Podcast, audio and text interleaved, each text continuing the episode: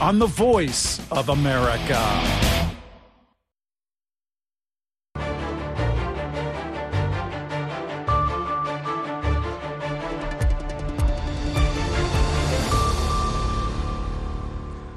subax wanaagsan dhegeystayaal ku soo dhowaada idaacadda saaka iyo caalamka oo idinkaga imanaysa washington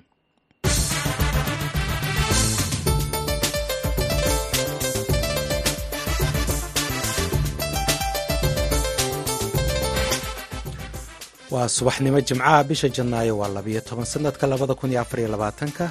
Idaacadda saaka waxaa idinla socodsiinaya anigoo ah haaruun macruuf.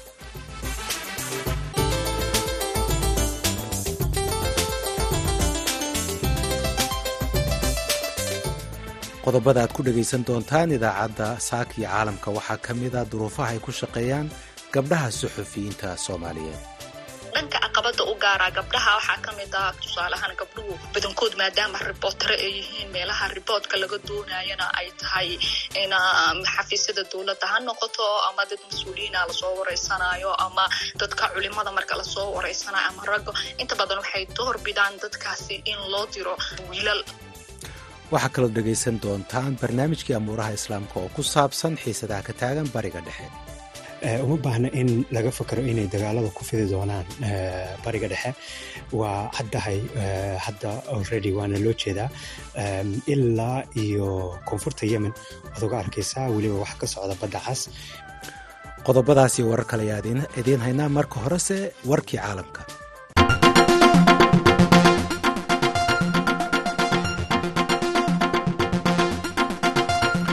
madaxweynaha jabuuti ismaaciil cumar geele oo ah guddoomiyaha xilligan ee urur goboleedka igaad ayaa ku baaqay in madaxda ururkaasi isugu yimaadaan shir aan caadi ahayn oo lagu qabto dalka uganda siddeed iyo tobanka bishan janaayo.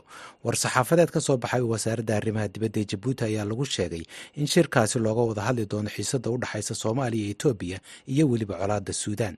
Madaxweyne ismaaciil cumar geele ayaa sheegay in kadib markii uu wadatashi la sameeyey madaxweynaha uganda yuweri museveni uu aqbalay inuu shirkaasi martigeliyo dhinaca kalena dowladaha shiinaha iyo sacuudiga ayaa sheegay inay taageersan yihiin madax banaanida iyo midnimada dhuleed ee soomaaliya. Shiinaha ayaa sheegay inay rajeynayaan in waddamada gobolku ay xallin doonaan arrimaha gobolka iyagoo u maraya hab diblomaasiyadeed. Dowladda sacuudiga ayaa iyaduna sheegtay inay muhiim tahay deganaanshaha gobolka waxayna carabka ku adkaysay sida loogu baahan yahay in la ilaaliyo mabaadi'da daris wanaagga.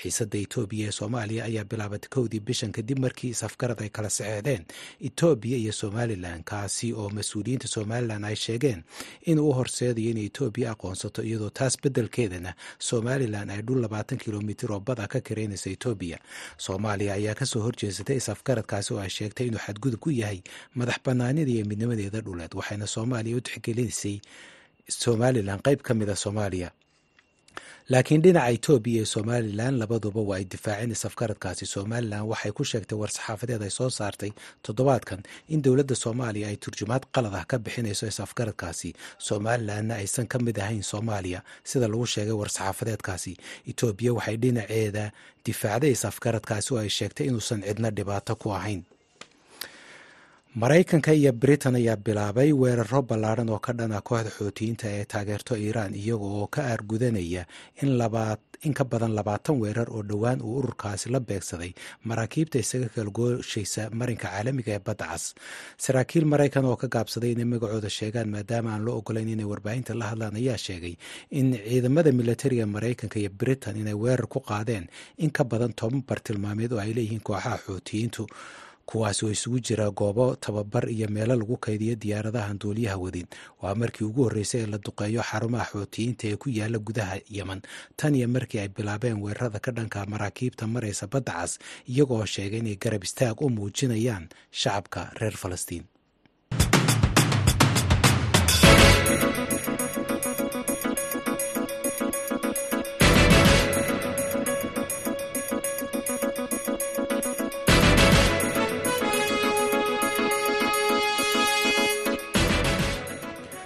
halkaad nagala socotaan waa laantaafka soomaaliga idaacadda voice of america. Soomaaliya waxay ka mid tahay waddamada ugu halista badan shaqada suxufiyiinta gabdhaha suxufiyiinta ee soomaaliyeed waxaa iyaga u sii dheer oo ay ku amniga ee taagan waxaa u sii dheer duruufo kale oo haysta oo shaqadooda saameeya. Arrimahan ayaa waxaan ka waraystay farxiye maxamed khayre oo ah oo madax ka ah ururka gabdhaha suxufiyiinta soomaaliyeed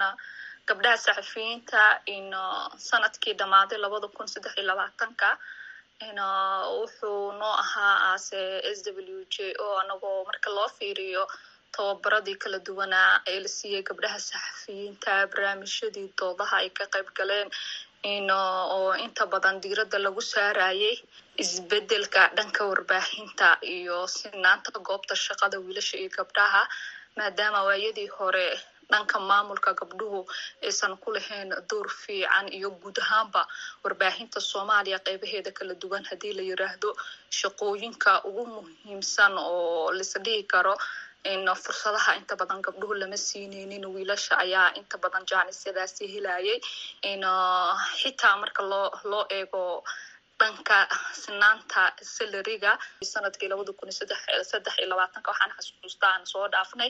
Miitinadu waxay ahaayeen milkiilayaasha xarumaha warbaahinta dadka maamulka ka ah xarunta warbaahinta iyo gabdhuhu miitino loo qabanayay si loo helo xalka waxa gabdhuhu ay door ugu yeelan layihiin xarunta warbaahinta ay maamulada ama milkiilayaashu inta badan ay u doorbidaan in fursadaha ugu waaweyn xarunta warbaahintu ay siiyaan wiilasha oo keliya. Laakiin waxaan rajo weyn ka qabnaa sanadkan labada kun labaatan iyo afarta iyo wixii ka dambeeya in la arki doono sinaan dhinacaasi. Waayo waxaad iga tababaradaad soo qaaday tababarada ay gabdhuhu qaateen maxaa ka mid a baahida tababaree jirta markay noqoto gabdhaha suxufiyiinta intee bay la-egta waxaa jiri jirtay ka hor intaanan annaga s w j aynaan sameynin aas-aasin in tababarada la bixiyo ama wariyaasha loo diro.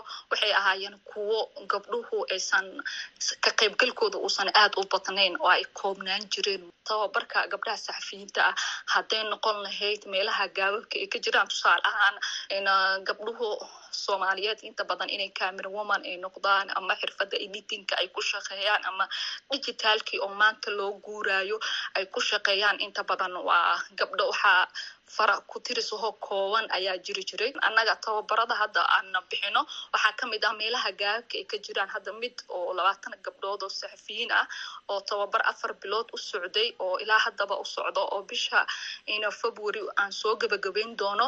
Ina keliya waxaan ku tababareynay gabdhahaasi saxafiyiinta ah camera woman editing inay sameeyaan iyo qaybta digitaalka sababtoo ah labaatankaas gabdhood hadhowti waxay buuxinayaan baahi badan oo xarumihii warbaahinta ka jirtay oo si ayaguna doorkoodii ay u muuqdaan gabdho badan oo xirfad yaqaana ana loo helo. Dhanka kalena gabadhii maadaama maanta digital loo guurayo iyo in warbaahino gaara gabdhuhu ay samaystaan isku filnaasho noocaas ahna inay gaaraan. Gabadhii rabto si iskeed ah in qayb production ay u samaysato ama magaalada si personal uga shaqaysato si ay xirfadaasi uga faa'iidaysato. Tababarkaasa ka mid ah oo u gaara gabdhaha saxafiyiinta ah sidoo kale tababarada gabdhaha la siiyo oo dhowr mar kala duwanna aan siinay ha noqoto muqdisho ama gobollada dalka waxaa ka mid ahaa sida gabadhu ay wax u maamuleyso tababaro la xiriira administrationka xarunta maamulka tababaro la xiriira ethics of journalism maadaama gabdhuhu si aan ugu diyaarino inay tafaftirayaal ay noqdaan. Waxaad wax iiga sheegtaa caqabadaha gabdhaha suxufiyiinta ka hor yimaada haddii ay noqon lahayd soo ururinta wararka helitaanka wararka tegitaanka ilaha iyo goobaha wararka laga bixiyo iyo caqabadaha kale dhinaca amniga ee jira kuwa ay yihiin haddaad tusaalayaal iisoo qaado caqabada guud ee ammaanka gabdhaha saxafiyiinta waxay kala siman yihiin dhanka wiilasha. Wax u gaara gabdhaha keliya ma jiro maadaama xaalada wadanka dhan wariyaasha soomaaliyeed aysan fursad u heli karin. Maanta meel kastoo wadanka ka mid ah inay tagaan ee xog ay ka soo qaadaan ama ay soo waristaan. Dadkii ay maanta ay ku qasban yihiin eriyada dowladda ay ka shaqayso ama meelaha ammaanka keliya inay ku ekaadaan taasi waa midii guud oo wax u gaara gabdhuhu ma ahan. Dhanka caqabada u gaara gabdhaha waxaa ka mid ah kaas oo iska noqon karo mararka qaar dhaqan soo jireen ah tusaale ahaan gabdhuhu badankood maadaama ribootare ay yihiin meelaha riboodka laga doonayana ay tahay in xafiisyada dowladda ha noqoto ama dad mas'uuliyiina la soo wareysanayo ama qeybaha kala duwane bulshada hadday noqoto in dadka culimada marka la soo wareysanayo ama raggo inta badan waxay door bidaan dadkaasi in loo diro ama xarunta warbaahinta ay u diraan wiilal intii loo diri lahaa gabdho. Ayagoo inta badani fikrada qaarkood aan wanaagsanayn ka aaminsan in gabadhu ay wiil waraysato ama tusaale ahaan maanta haddii gabadha saxafiyadda ah ay u baahato qof culimaa inay soo waraysato way ku adag tahay in ay deg deg ay u hesho. Xaruntii warbaahinta waxaa laga yaabaa qofkii culimadaha inuu dhaho maxaad iigu soo diri weysay wiil oo aad iigu soo dirtay gabar. Gabadh gabdhahana niijabay ka dareemi karaan meelahaasi. Markasta waxay u arkayaan in laga doorbidaayo in wiilal xogti la siiyo.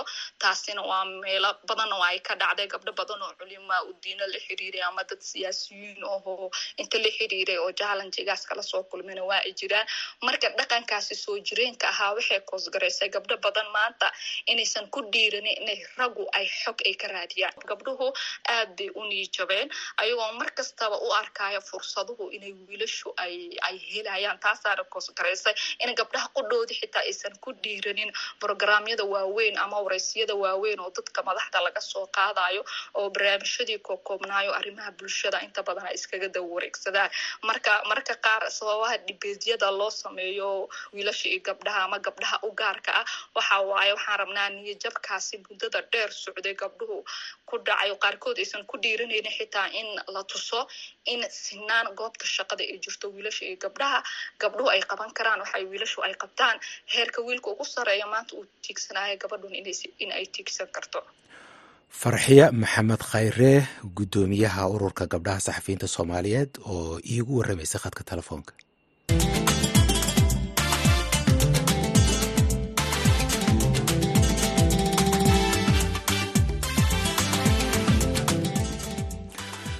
diblomaasi u dhashay sacuudiga ayaa toddobaadkan sheegay in dalkiisu uu xiriir caadi ah la samaysan doono israa'iil. Keliya haddii ay dhowowdo hanaanka ah in lagu xaliyo xaaladda bariga dhexe inay laba wadan oo jaar ah oo ay kala yeeshaan israa'iil iyo falastiin la unko. Dale gavlag ayaa warbixinta noo soo diray khubarada indhaindhaysa arrimaha bariga dhexe ayaa sheegay in hadaf weyn oo ay lahayd dowladda madaxweyne joe biden ay ahayd in la caadiyeeyo xiriirka israa'il iyo sacuudiga. Kadib markii israa'iil ay xiriiro diblomaasiyadeed la samaysatay waddamada imaaraadka carabta iyo baxrayn sannadkii labada kun iyo labaatanka qorsho loogu magac daray ahdigii abraham accords oo uu hormood ka ahaa madaxweynihii hore ee maraykanka donald trump safiirka sacuudiga u jooga britain prince khalid bin bandar ayaa u sheegay b b c radio for in boqortooyadiisu ay doonaysay inay xiriir la samaysato israa'el tan iyo intii la soo bandhigay qorshihii carabta sannadkii labada kun iyo labada. Laakiin aysan taasi ku bedelanaynin in la iloobo dadka reer falastiin. Waxa uu sheegay in wax badan ay doonayeen inay aqbalaan israa'iil hase yeeshee aysan la noolaan karin israa'iil iyadoo aan la unkin dowlad reer falastiin ah ayuu ku yidhi waraysigaasi. Waxa uu sheegay bris bandar in dagaalka khaza ka hor ay sacuudigu ku dhowaadeen inay xiriirka la caadiyeeyaan israa'iil ayna ku dhowaadeen dowlad reer falastiin ah in la sameeyo isagoo carabka ku adkeeyey inaan midkoodna imanayn kan kale la'aantiis nicholas harras oo ah falanqeeyo ka tirsan macadka new lines institute ee washington ayaa sheegay in qiimaha sacuudiga uu ugu fadhiyo inuu israa'iil aqoonsado uu kor u kacay. Su'aashu waxa weeye ayuu yidhi ra'iisul wasaaraha israa'el ma aqbali doonaa dhismaha dowlad reer falastiin. Heras waxa uu sheegay in dhallinyaradu ay qayb weyn ka yihiin taageerayaasha dhaxal sugaha sacuudiga brins maxamed bin salmaan isla markaana ay dhallinyaradu taageero xooggan u hayaan qadiyadda reer falastiin. Waxaa haatan cad ayuu yidhi inay carab badan ka jirto khaliijka. Imaaraadka iyo baxrayn iyo kuwo kale ay u caraysan yihiin netanyahu ayuu yidhi heras. Waxay la galeen heshiis. Abraham accord waxa uu tusaale u yahay halista ay ku qaateen netanyahu inay heshiis la galaan. Haatanna waxay dareemayaan in fursaddii ay qaateen laga yaabo inay ahayd mid qaldan ayuu yidhi falanqeeye heras isagoo intaasi ku daray in siyaasadaha midigta fog ee uu qaatay netanyahu isbahaysigiisa talada hayaa haddii ay ahaan lahayd fikradda odhanaysa marna ma jiri doonto dowlad reer falastiin ah. Ballaarinta degaamada laga dhisayo daanta galbeed iyo fikradda ah in degaano laga dhiso khaza ay cabsi ku abuurayso waddamada carabta iyo weliba xukuumadda washington suxufiga reer israa'el barak ravid oo wax ku qora warbaahinta axios oo soo xiganayay wadahadallada xogayaha arrimaha dibadda ee maraykanka antony blinkan uu toddobaadkan la galay israa'iiliyiinta ayaa sheegay in dalabka sacuudigu uu u dhow yahay mowqifka xukuumadda madaxweyne biden.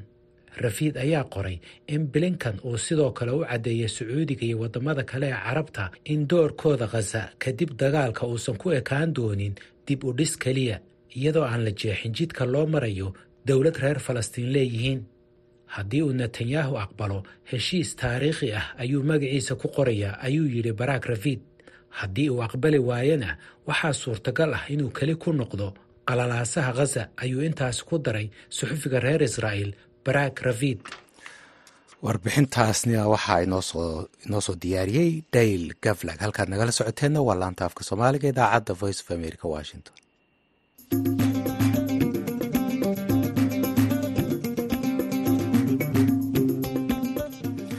haatana dhegeystayaal ku soo dhowaada xubintii amuuraha islaamka waxaa inoo soo jeedinaya soona diyaariyey cabdixaafid caawil ismaaciil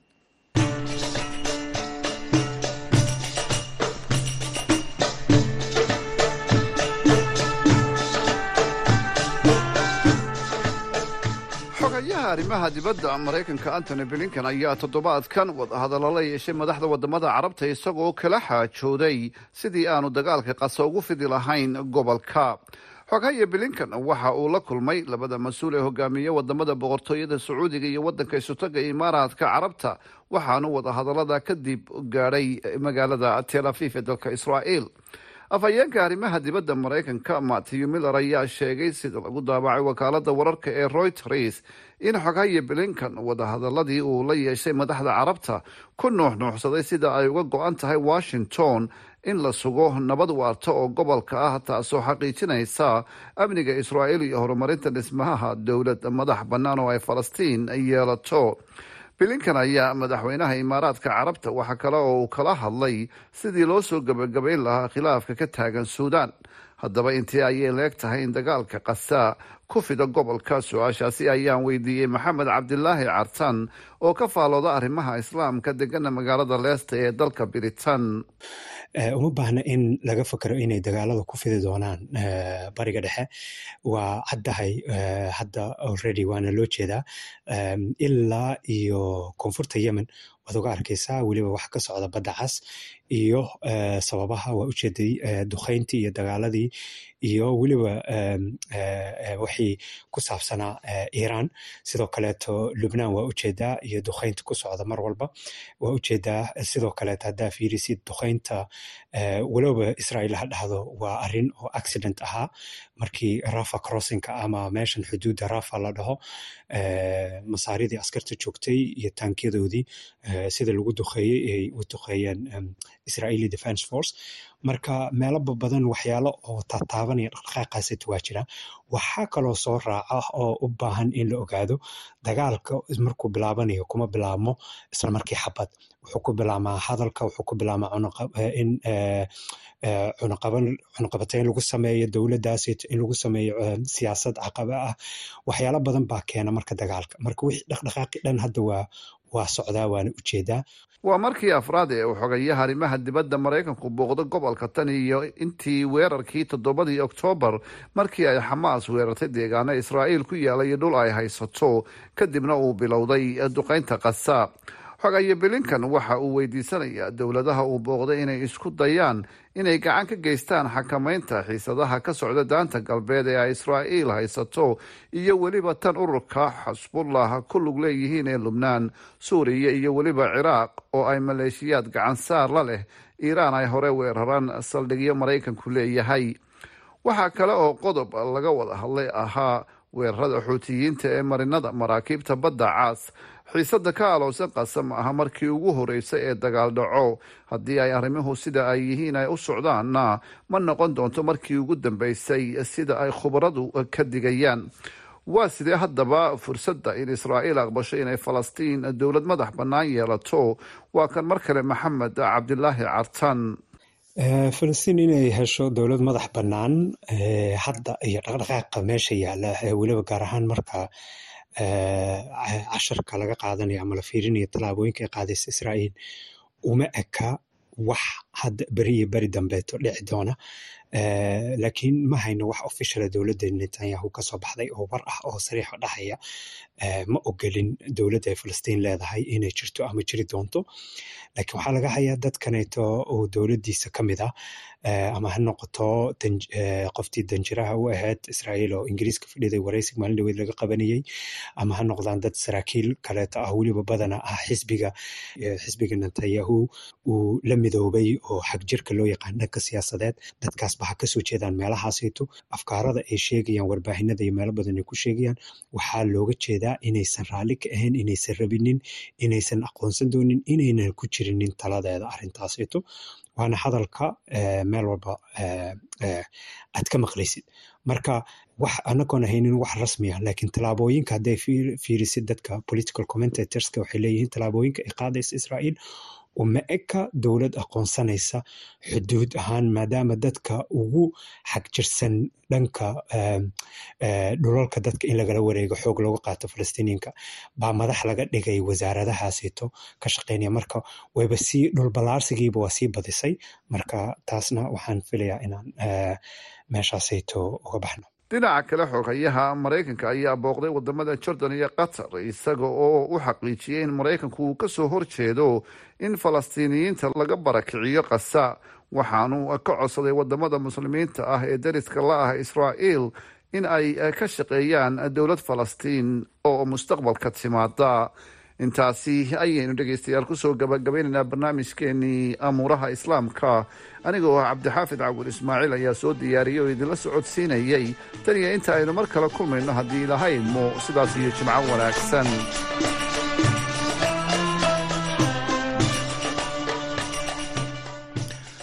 Aad buu mahadsan yahay cabdi xaafid cawil ismaaciil. Haatana dhegaystayaal xubintii ciyaaraha iyo mahad cali xidir